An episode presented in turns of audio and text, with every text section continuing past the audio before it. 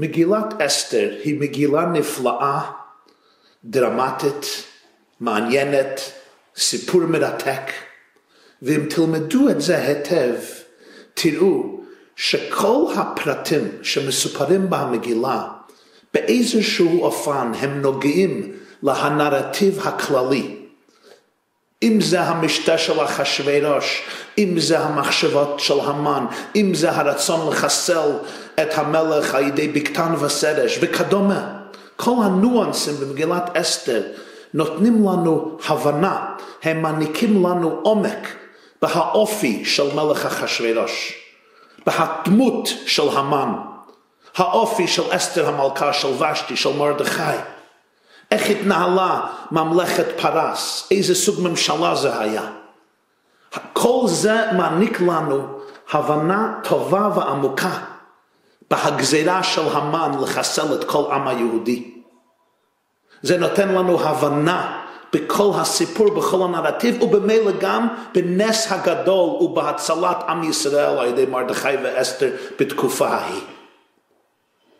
אין שום ניואנס, אין שום פרט ומרכיב בנרטיב של מגילת אסתר, שבאיזשהו אופן לא תורם להבנתנו באופי הסיפור. ובמיוחד דגל בזה הפרשן המפורסם המלבם, שבפרשון מגילת, מגילת אסתר וגם כמה פרשנים אחרים מראים איך שכל פרט שמסופר שם באיזשהו אופן נותן לנו הבנה יתרה ועמוקה ורחבה יותר בכל הסיפור שהעניק לנו חג הפורים. אבל יש יוצא מן הכלל. יש פרט אחד בהסיפור שאמנם הוא מתוק, הוא נחמד, אבל לכאורה, בהשקפה ראשונה וגם בהשקפה שנייה, זה לא מוסיף שום דבר להנרטיב או להבנת הנרטיב. ואני מדבר על פסוק בודד בפרק השני של מגילת אסתר, פסוק י"א. בואו נזכר בהרקע.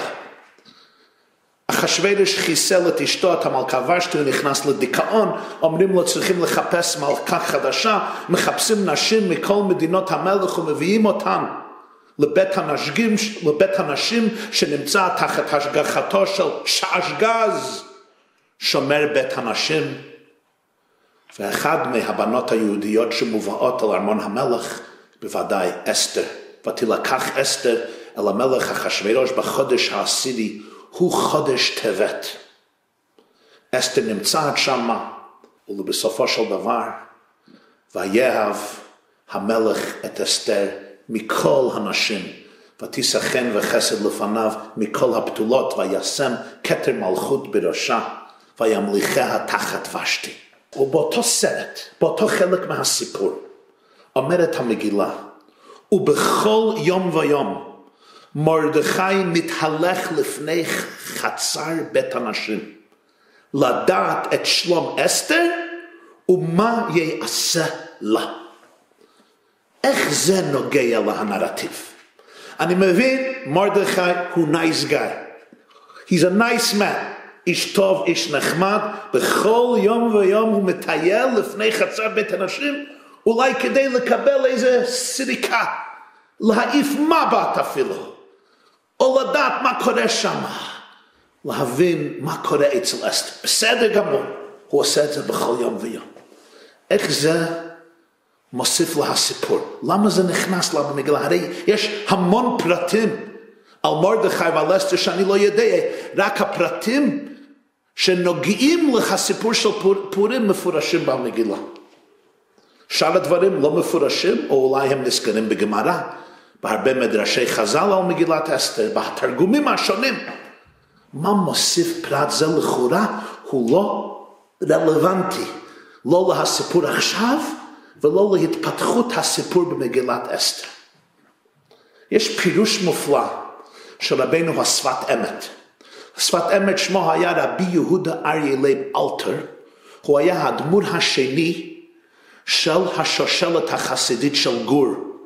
הוא נפטר בתרס"ה, ה' שבט תרס"ה. ויש לו חיבור שנקרא שפת אמת על התורה ועל המועדים, גם חיבור על התלמוד. ובשפת אמת בפורים, בשנת תר"ש זין. הוא מעניק, הוא נותן לנו רעיון נפלא, שלא רק שהפרט הזה של הסיפור רלוונטי, אלא בעצם הוא-הוא תמצית סיפור פורים. הוא-הוא תמצית סיפור הנס של מגילת אסתר. ואני רוצה לצטט בפניכם את המילים הקצרות והחדות שלו, אתם יכולים לקרוא את זה פה על המסך, כותב השפת אמת. ובכל יום ויום מרדכי מתהלך לפני חצר בית הנשים לדעת את שלום אסתר ומה יעשה לה. נראה שכל הדברים הנזכרים במגילה היה הכל לצורך הנס. ובוודאי זה דבר גדול מאוד שהיה כארבעה וחמישה שנים מעת לקח אסתר לאחשוורוש ומרדכי הצדיק הלך בכל יום ויום לראות שלמה. כלומר, מה פירוש הפסוק מרדכי הולך בכל יום ויום מתהלך? הוא הולך בכל יום ויום, מתהלך לדעת את שלום אסתר, אבל לכמה זמן? אומר השפת האמת, כל זמן שהיא נמצאת שמה. כמה זמן זה היה? אסתר המלכה נעשית מלכה של המלך אחשוורוש בשנת שבע למלכותו. היא כבר נלקחה שנה קודמת. כי היו י"ב חדשים של בדיקות וחקירות, תמרוקי אנשים וכולי. מתי הייתה גזירת המן להשמיד, להרוג ולאבד את כל היהודים מנער ועד זקן טף ונשים? בשנת 12 למלכותו. כלומר לערך חמש שנים אחרי שאסתר הייתה מלכה, יצאה הגזירה האיומה לחסל עם ישראל. שנה אחר כך היה החגיגה הגדולה של פורים בפעם הראשונה בשושן ובכל שבע ועשרים ומאה מדינה של מלכות אחשוורוש. אז לכמה זמן מרדכי התהלך לפני חצר בית הנשים לדעת את שלום אסתר?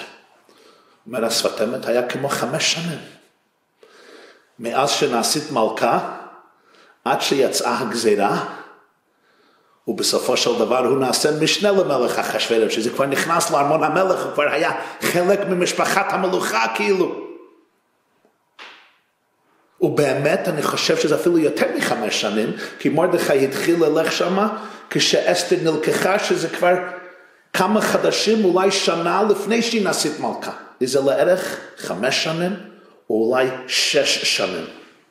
ובכל יום ויום, המגילה הייתה יכולה לכתוב, בכל יום מרדכי מתהלך. מה זה בכל יום ויום? מגילת אסתר משמיעה לנו שלא היה יוצא מן הכלל. מרדכי מתהלך לפני חצר בית הנשים ביום ראשון של שבוע, יום שני, יום שלישי, יום רביעי, חמישי, שישי ושבת קודש. הוא הולך שם בראש השנה וביום הכיפורים ובחג הסוכות ובפסח ובשבועות וגם בחנוכה ופורים, גם שזה היה לפני חנוכה ופורים. בכל יום ויום אין יוצא מן הכלל מרדכי מתהלך לפני חצר בית הנשים לדעת את שלום אסתר ומה יעשה לה. ופה היא השאלה הגדולה. אני מבין שבהתחלת התקופה מרדכי הלך, רצה לראות, הוא חשש לשלומה, הוא פחד עבור העתיד שלה, הוא הרי לקח אחריות לאסתר היתומה, לא היה לה אב, אב ואם, לקחה מרדכי לא לבת, הוא גידל אותה, הוא טיפל בה, הוא דאג לכל מחסוריה בוודאי כשהיא נלקחה באונס אל המלך אחשורוש, הוא דאג מאוד, היה בו אה, פחד, דאגה, מתח. אז אני מבין בהתחלה הוא הלך, הוא אפילו הלך בכל יום ויום. אבל אחר כך, היא נעשית האישה החשובה ביותר בכל מלכות פרס. ותישא חן וחסד לפניו מכל הפסולות. ויאהב המלך את אסתר מכל הנשים, וימליכה תחת ושתי. ותישא חן וחסד לפניו. אתה כבר יכול להפסיק לבקר, היא בסדר, היא בטוח, היא בתוך safe space, כבר לא יזיקו לה. אבל מרדכי לא חושב ככה. במשך חמש, שש שנים, בכל יום ויום הוא מתהלך. זה לא רק מגיע לביקור של דקה אחת, שולח אס.אם.אס, שולח וואטסאפ, אסתר, מה שלומך? לא, מתהלך, הוא מטייל שם לפני חצר בית הנשים, לדעת, זה נמשך שנה, עוד שנה, עוד שנה, עוד שנה, עוד שנה, ובכל יום ויום. ופה נתבונן בעוד משהו. מרדכי הוא ראש הסנהדרין. מרדכי היה נחשב מנהיגה הרוחנית של אומה הישראלית בתקופה ההיא, עם הגולה אשר הגלתה של נבוכדנצר מלך בבל, הוא הלך בהגלות הראשונה מירושלים לבבל תחת נבוכדנצר, עכשיו היה בפרס, תחת אחשוורש במלכות פרס שכבשה את מלכות בבל. מרדכי היה נחשב לראש הסנהדרין, לנשיא הרוחני של עם ישראל בתקופה ההיא. היה מנהיג, היה רבה, היה ראש ישיבה, היה מורה דרך. הוא לימד תורה לאלפים ולרבבות. הוא היה סמל האומה. איש יהודי היה בשושן הבירה שמו מרדכי בן יאיר בן שמי בן קיש ימיני. הוא היה בן אדם עסוק. ואחרי כמה חדשים אתה רוצה לשמוע מה קורה בכל יום? תשלח שליח. תיקח אחד מהבחורים בישיבה, אחד מהאברכים, אחד מהבלבטים, בכיף. ילך שם על ארמון המלך, יסתובב עם שעש גז, ייקח כמה תמונות עם החבר'ה שם, יעשה הפרופיל שלו באינסטגרם או בוואטסאפ, המחיה. הרי תמיד יש החבר'ה האלה שאוהבים את זה. תשלח שליח, למה אתה צריך לעשות את זה בעצמך? ומה כבר אתה יכול לעשות? להחליף אולי כמה מילים, להעיף מבט, להניף יד ככה? תשלח שליח, שיוודא לך שהכל בסדר. אומרת המגילה, לא. ובכל יום ויום מרדכי מתהלך לפני חצר בית הנושים לדעת את שלום אסתר, והוא עושה את זה לבד. בואו נמשיך לראות את דברי השפת אמת. מרדכי הצדיק הלך בכל יום ויום לראות שלמה, בעבור כי הייתה יתומה, ובצער התפיסה בבית המכרי. מרדכי הבין, אסתר היא יתומה, מות עליה, מתו עליה אבא ואימא, הוא גידל אותה כמו בת. לא רק זה, היא נתפסה בבית המכרי שלא ברצונה ותילקח אסתר על המלך. היא לא בחרה במשרה זו, היא לא רצתה לשושן כדי להצטרף לכל הנשים אצל שעש גז, ותילקח אסתר על המלך.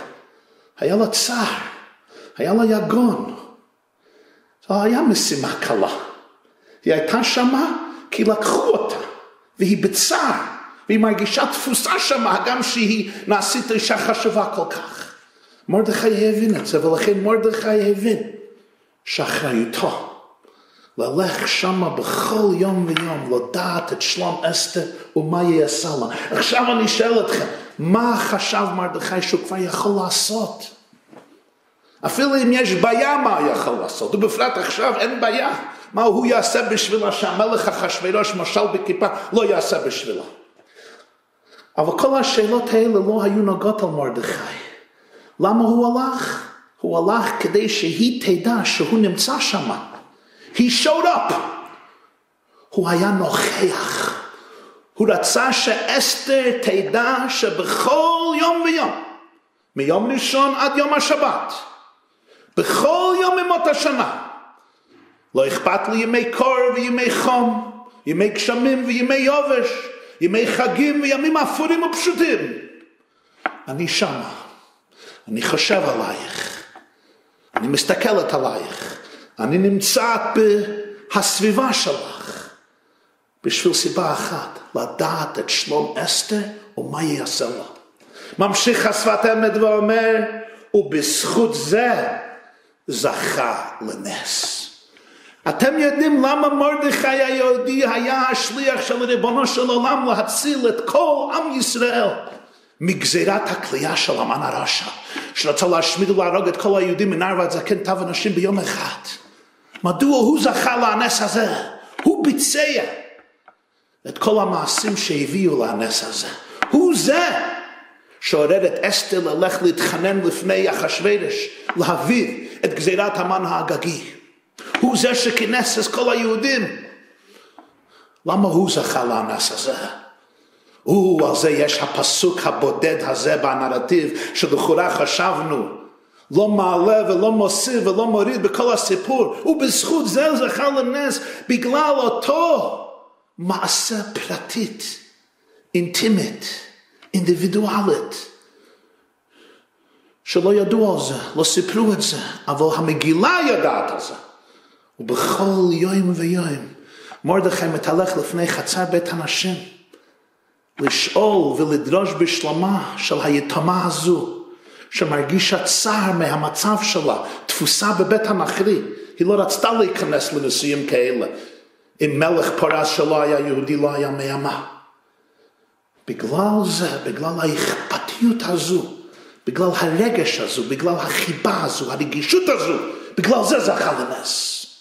לכן מוסיף המגילה פרט זה, שתבין מיהו מרדכי. מרדכי הוא לא רק מנהיג האומה, מרדכי הוא לא רק גאון, ג'יניוס, תלמיד חכם גדול, מנהיג גדול, איש עם חזון, איש תורני. מרדכי הוא גם זה, אבל מרדכי הוא זה שהולך שבעה ימים בשבוע. לפני חצר בית הנשים רק להגיד, אני פה.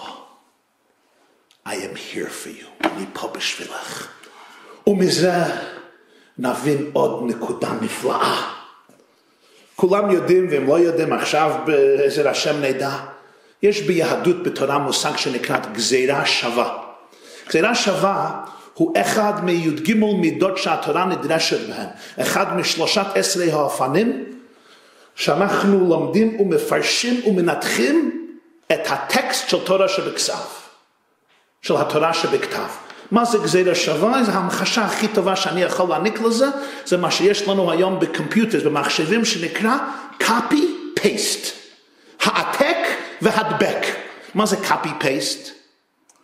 אם כתבתי משפט אחד או מילה אחת באיזשהו קטע בכתבה שלי, ואחר כך אני רוצה לצטט אותו משפט, אז בעבר הייתי צריך לתקתק את זה עוד הפעם, אבל היום אתה עושה העתק והדבק. תעתיק את זה ותדביק את זה למקום החדש. כלומר, הציטוט במקום השני זה בעצם קאפי, זה בעצם שכפול של הציטוט במקום הראשון. מאיפה נולד הרעיון הזה? אלפי שנים כבר יש לנו המושג הזה גזירה שווה. כשאנחנו מוצאים איזה ביטוי בחומש, בתורה, ואותם מילים או אותה מילה משתמשים שעוד משתמשים בה פעם שנייה בפרשה שנייה. אז לא אומרים שזה מקרה מקרה סתם משתמש באותה מילה, לא לא, זה copy paste, זה הקדוש ברוך הוא עשה העתק הדבק, כלומר הפרשה הראשונה קשורה באיזשהו אופן עם פרשה השנייה. עכשיו, יש ביטוי מעניין פה, ובכל יום ויום מרדכי מתהלך לפני חצר בית הנשים. האם כתוב עוד הפעם במגילה המילה הזו יום ויום? האם יש העתק והדבק של המילים האלו יום ויום? פעם אחת. הפעם הראשונה זה בפרק ב' פסוק י"א בכל יום ויום מרדכי מתהלך לפני חצר בית הנשים. יש פעם שנייה. כמה פסוקים אחר כך. מגילת אסתר פרק שלישי, פסוק רביעי. בואו נזכר הרקע. אחר הדברים האלה גידל אחשוורש את המן בן המדסה. הוא נשא אותו מעל כל השרים, כל עבדי המלך משתחווים אל המן, כי כך ציווה המלך, ומרדכי לא יכרע ולא ישתחווה. וזה מדליק את הכעס בלב של המן, אומר המגילה, ויהי כאמרם אליו יום ויום, ולא שמע עליהם. בכל יום ויום הגיעו עבדי המלך למרדכי היהודי ואומרים לו, מדוע אתה עובד את מצוות המלך? מדוע אתה צריך לשגע את כולם? מדוע אתה צריך להיות היחיד, היהודי הבודד, שלא קורא או משתחווה להמן? מדוע? וירא המן כי אין מרדכי קורא ומשתחווה לו, וימלא המן חמה, ויבז בעיניו לשלוח יד במרדכי לבדו, כי הגידו לו את עם מרדכי. ויבקש המן להשמיד את כל היהודים אשר בכל מלכות אחשוורוש עם מרדכי. מה השייכות בין היום ויום הראשון והיום ויום השני? אומר השפת אמת, בוא נמשיך לצטט את הלשון שלו בפנים. כתיב גם כן באמרם אליו יום ויום, שהידי שבכל יום ויום. מתהלך זכה לזה, לנצח את המן הרשע ולהכעיסו בכל יום ויום. אתם יודעים למה מרדכי הצדיק זכה לנצח את המן הרשע? זה בגלל הבכל יום ויום מרדכי מתהלך לפני חצר בית הנשים. שני הדברים קשורים ביחד באופן נפלא, כיוון שבכל יום ויום מרדכי הלך לראות בשלום היתומה, בשלום אסתר המלכה, ולא מפסיק ולא שולח שלוחים, הוא הולך לבד. בגלל זה זכה למשהו אחר, שבכל יום ויום, כאומרם אלוב יום ויום, ולא שמע עליהם. בכל יום ויום הוא הדחיק, הוא ביטל את הגאות, את הגאווה, את העבודה זרה, את האליל שהמן הרשע סימל. ובסופו של דבר ניצח אותו. אבל איזה זכות זה שבכל יום ויום אתה יכול לבטל את ההיטלר של הדור. אתה יכול לחסל את הגאווה האינסופית של הומן הרשע. אתה יכול להדליק בו את החימה, את כל הרע שבסופו של דבר יביא לחורבן שלו ולהרס שלו. איזה זכות זה שבכל יום ויום מחדש מרדכי יכול לחסל ולבטל את הרע שקיימת בעולם, את הרע של השנאה, הרע של האנטישמיות, הרע של הבן אדם שמוכן להשמיד, להרוג ולאבד כל יהודי מנער ועד זקן טב ונשים ביום אחד. איזה זכות הייתה לו למרדכי שהיה יכול לעשות את זה בכל יום ויום מחדש, ולבסופו של דבר להפיל אותו לגמרי, לנצח אותו לגמרי. זה בגלל הבכל יום ויום מרדכי מתהלך לפני חצה בית הנשים. ובעצם מפורשים הדברים בדברי חכמינו ז"ל במדרש רבה על מגילת אסתר. בו תראו הציטוט ממדרש רבה, אסתר רבה, פרשה ו'. בכל יום ויום מרדכי מתהלך לפני חצר בית הנשים. אמר רבי יעקב בר אחא, אמר לו הקדוש ברוך הוא, אתה דרשת שלום נפש אחת, לדעת את שלום אסתר. חייך, סופך לדרוש שלום אומה שלמה. הדהו דכתיב, דורש טוב לעמו ודובר שלום לכל זרה.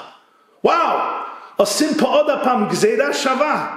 שלום שלום, בכל יום ויום הלכת לדעת את שלום אסתר. מה סוף המגילה? מה הפסוק האחרון של המגילה? כי מרדכי הוא משנה למלך אחשורוש, גדול היהודים, רצו לרוב אחיו. דורש טוב לעמו ודובר שלום לכל זרה.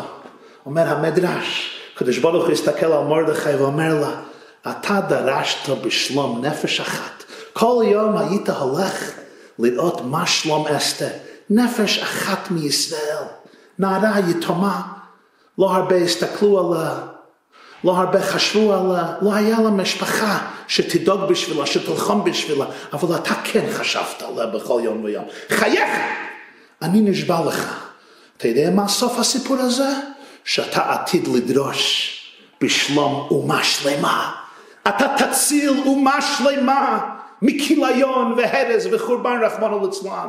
דורש טוב לעמו ודובר שלום לכל זרה. מדוע? כי זה סמל של מנהיג יהודי אותנטי. מנהיג יהודי אותנטי לא מתעורר יום אחד, אה, עכשיו אני הולך להציל אומה שלמה מכיליון, זה לא מתחיל ככה. זה מתחיל מהרגעים הדרמטיים והמסתורים והפרטים והאינטימיים. בינו לבין קונו בכל יום ויום מרדכי מתהלך לפני חצר בית הנשים לדעת את שלום נערה אחת לדעת את שלום אסתר אכפת לו מיהודי אחד איך אמר הרב אריה לבן זיכרונו לברכה הצדיק של ירושלים שהיה מכונה בשם רב האסירים כי הוא היה הולך בכל יום ויום, בימי גשם ובימי חורף, בימי קורב ובימי חום, בשבתות וביומים טובים, לבקר את האסירים בבתי האסורים, במיוחד אסירי המחתרות ועולי הגרדום. הלך לבית הרפואה של המצורעים, שאף אחד לא הגיע שם, היו בבידוד. והוא אמר פעם, ירא שמיים אמיתי, הוא זה שלא יכול ללך לישון בלילה מדאגה. שמא לא עשה כלום באותו יום כדי להקל סבלו של יהודי שהוא מדוכא בייסורים. שמעתי פעם סיפור נפלא מהגאון רבי אהרון סולובייצ'יק, זיכרונו לברכה, שסיפר על סבא שלו, רבי חיים סולובייצ'יק, הרב של בריסק בליטא. והוא סיפר שבבריסק היה נער יהודי שהיה בונדיסט שרוף. הבונדיסטים היה המפלגה היהודית הסוציאלית, והרבה מהם היו מנגנים גדולים למסורת ישראל ולדת ישראל, בשבילם קארל מרקס היה מוישה רבנו החדש. הם היו מכונים הבונדיסטים. הנער הזה בבריסק היה צעיר, והיה בונדיסט אידיאליסט. היו מספרים, כך סיפר הבעלן, שכשהסבא שלו, רבי חיים סולובייצ'יק, ששמו היה נודע לתהילה ולתפארת עבור גאונותו ועבור ליבו וחסדו. כשהוא היה הולך ברחוב בשבת והנער הבודהיסט הזה היה רואה אותו, היה מדליק, סיג, מד, מדליק סיגריה לפני רב חיים מבריסק. כמובן, הסוציאליסטים שדגלו, שדגלו מאוד באידיאל הקומוניסטי, לא אהבו את הצער. רב חיים נפטר בתופריש עין חטא, באמצע המהפכה הבולשביקית. הצאר ניקולאי השני ממשפחת הצארים ברוסיה, משפחת רומנוב, רומנוב, הוא חיסלו אותו ואת כל בני ביתו, אבל זה היה לפני, כמה שנים לפני זה, אז הצאר עוד היה מלך רוסיה, אז הנער הזה לקח אקדח ו... לקח תמונה, פוטרט של צאר ניקולאי ושלח ירייה אחת לתוך התמונה של הצאר. הוא, זה כבר היה מעשה של מרידה במלכות. מושל בריסק תפס אותו, הכניסו אותו לבית האסורים ודנוהו למוות.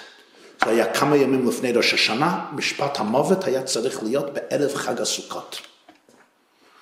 רב חיים סולובייצ'יק, רב חיים מבריסק, רב של העיירה, רב של בריסק שמע על זה. באותן שנים, שוחד ברוסיה היה מחולל ניסים ונפלאות, לא רק באותן שנים, אלא גם בשנים אחרות וגם במדינות אחרות, אבל זה כבר סוגיה אחרת. אז רב חיים שלח שלוחים המתאימים להיוודע כמה כסף צריכים כדי לשחד את המושל, כדי להוציא את הנער הזה לחופשי. אמרו לו, חמשת אלפים רובל יספקו את הסחורה המספיקה. רב חיים ממש כינס אסיפה של ראשי הקהל, ואמר צריכים חמישה אלף רובל כדי לשחרר את הנער הזה שלא ימות חלילה. ראשי הקהל אמרו, ילמדנו רבנו, יש לנו כל כך הרבה בעיות כדי לטפל במצוקה, בעוני, בכל יום ויום, חמשת אלפים רובל. זה לא מטבע המלאכת פה שיהיה קל לקבל. רב חיים אמר, אני מבין, אבל אנחנו צריכים לעשות כל מה שאפשר, כי הצלת נפשות דוחה את הכל. וזה הפריוריטי, זה הדבר הכי חשוב בשבילנו. צריכים לאסוף את הכסף שכל אחד ייתן משהו עד שיהיה חמשת אלפים רובל. אחד מראשי הקהל אומר לרב חיים, אתה מכיר את הנער הזה? הנער הזה מנוכר ליהדות, שונא את היהדות, שונא אותך, מלעיג עליך, שונא את הרבנות שלך. לא שייך לשום זיק של יהדות ודת ישראל. הוא פרק מעליו לגמרי עול מלכות שמיים. מעשן סיגריות בפניך, רק כדי להכעיס אותך. על הנער הזה נאמר בתורה בספר דברים, וביערת הרע מקרבך. למה אתה רוצה להציל אותו? רב חיים מתרגש מאוד, ואומר, אתה לא צודק. מיד לפני הפסוק, וביערת הרע מקרבך, כתוב בחומש, על פי שניים עדים, על פי שלושה עדים, יומת המס לא ימות על פי עד אחד. למדנו חכמינו זכרנם לברכה שלפני שמוציאים בן אדם למיטה, צריך להיות עדות כשרה וחוקרים אותם ודורשים אותם והם יתרו אותו ומכירים את כל הנסיבות.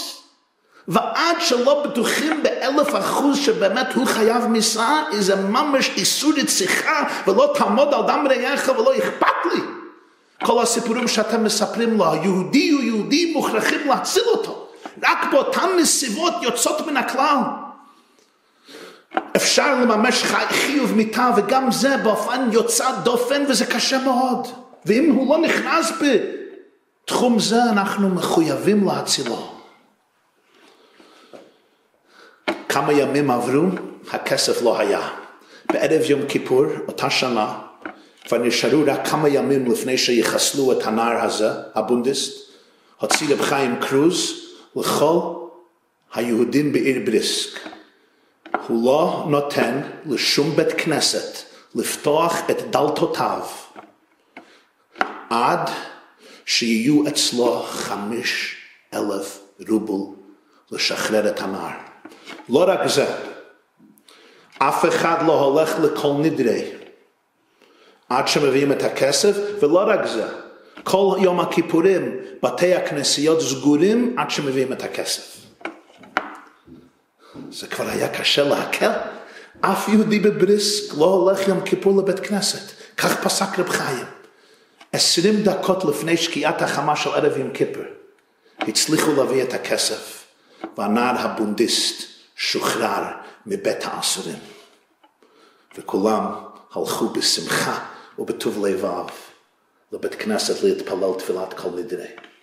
ועכשיו תבינו, למה הפסוק האחרון בכל המגילה, הכל הולך אחר החיתום אומרת הגמרא בברכות. מהו הפסוק האחרון, הפונצ'ליין, המכה בפטיש, שהמדרש עצמו מצטט את זה בעניין זה, בסוגיה זו. מה אומר? כי מרדכי יהודי משנה למלך אחשוורש, גדול היהודים, רצוי לרוב אחיו, דורש טוב לעמו ודובר שלום לכל זרו. זה סיום המגילה, אני מבין. מרדכי היהודי משנה למלך אחשוורש, וואו. ואחרי כל זה, התפטרו מהמן והומן, ברוך שפטרני, מרדכי נעשה משנה למלך אחשוורש. זה סיכום מתאים. גדול היהודים, הוא היה גדול הדור של היהודים. אבל זה לא הסיכום. סיכום הוא דורש טוב לעמו ודובר שלום לכל זרעו. זה הסיפור של מרדכי היהודי. בדרך כלל, משנה למלך אחשוורוש, עסקן גדול, בינלאומי, הציל את כל האומה. יש לו זמן לזרעו, יש לו זמן למשפחה שלו, אין לו זמן, הוא עסוק. מה החשיבות הגדולה של מרדכי? הוא נעשה, הוא עלה לשיא היוקר והחשיבות בתפקידו. ומרדכי יצא מלפני המלך בלבוש תכלת, תכריך בוץ וארגמן האיש שושן צלם ושמחה. אבל אף פעם לא שכח להיות דובר שלום לכל זרו, לכל ילד שלו, לכל אחד מהצאצאים שלו, לכל זרו. לא רק אלה שהם קלים ונותנים הרבה נחת. אפילו אלה שסיפור חייהם הרבה יותר רגיש, הרבה יותר מסובך, הרבה יותר עמוק. מי זה מרדכי היהודי? בשיא תפקידו הנעלה, משנה למלך אחריו, גדול היהודים. דורש טוב לעמו ודובר שלום לכל זרו.